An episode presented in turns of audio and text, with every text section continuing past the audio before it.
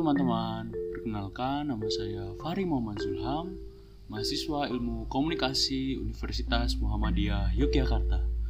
Nah, berjumpa lagi nih di Podcom, podcastnya orang komunikasi.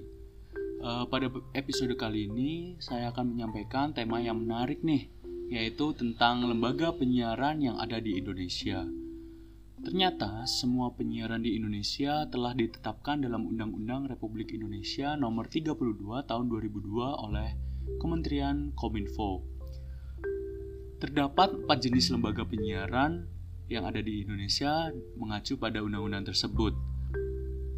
Yang pertama ada Lembaga Penyiaran Publik atau LPP yang mana menurut undang-undang adalah lembaga penyiaran yang berbentuk badan hukum yang didirikan oleh negara bersifat independen, netral, tidak komersial, dan berfungsi memberikan layanan untuk kepentingan masyarakat.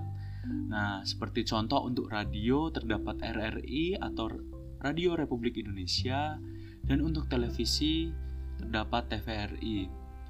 Nah, yang kedua ada lembaga penyiaran swasta atau LPS yang mana menurut undang-undang adalah lembaga penyiaran yang bersifat komersial berbentuk Badan Hukum Indonesia yang bidang usahanya hanya menyelenggarakan jasa penyiaran radio atau televisi. Nah, di dalam pasal lembaga penyiaran swasta, di bawahnya terdapat pasal yang intinya tidak boleh ada kepemilikan silang antara lembaga penyiaran swasta dengan yang lainnya. Nah, tidak boleh adanya kepemilikan silang antar lembaga tadi bertujuan untuk konten yang diproduksi oleh lembaga penyiaran swasta kan bertujuan untuk publik. Nah, supaya konten tersebut adanya keberagaman konten. Nah, ternyata pada lembaga penyiaran swasta biasanya biaya produksinya itu dari iklan dan usaha-usaha perusahaan perusahaannya. Dalam contoh Global TV, SCTV, RCTI, Antv, Transcorp, dan lain-lain. Nah, pasti tahu dong dari uh, beberapa contoh tadi, konten dari televisinya itu berbeda-beda karena idealisme dari kepemimpinan setiap lembaga tadi itu berbeda pula. Nah, yang ketiga ada Lembaga Penyiaran Berlangganan atau LPB.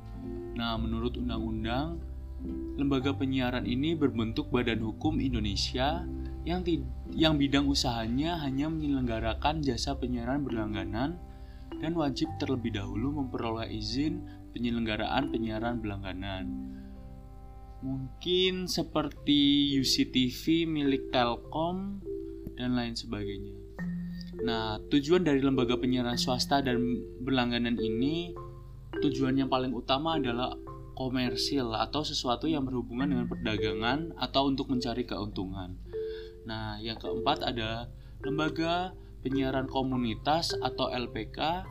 Nah, menurut undang-undang, lembaga penyiaran ini berbentuk badan hukum Indonesia didirikan oleh komunitas tertentu, bersifat independen dan tidak komersil dengan daya pancar yang rendah, luas jangkauan wilayah yang terbatas, serta untuk melayani kepentingan komunitasnya. Jadi, lembaga penyiaran komunitas ini tidak untuk mencari laba atau keuntungan atau tidak merupakan bagian perusahaan yang mencari keuntungan semata.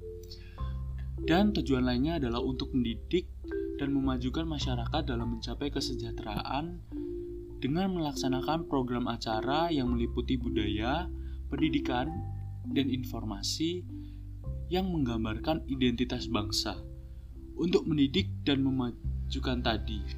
Nah, seperti video podcast kelompok saya yang sebelumnya, saya dan teman-teman saya mewawancarai narasumber yaitu Mas Ali yang berasal dari radio komunitas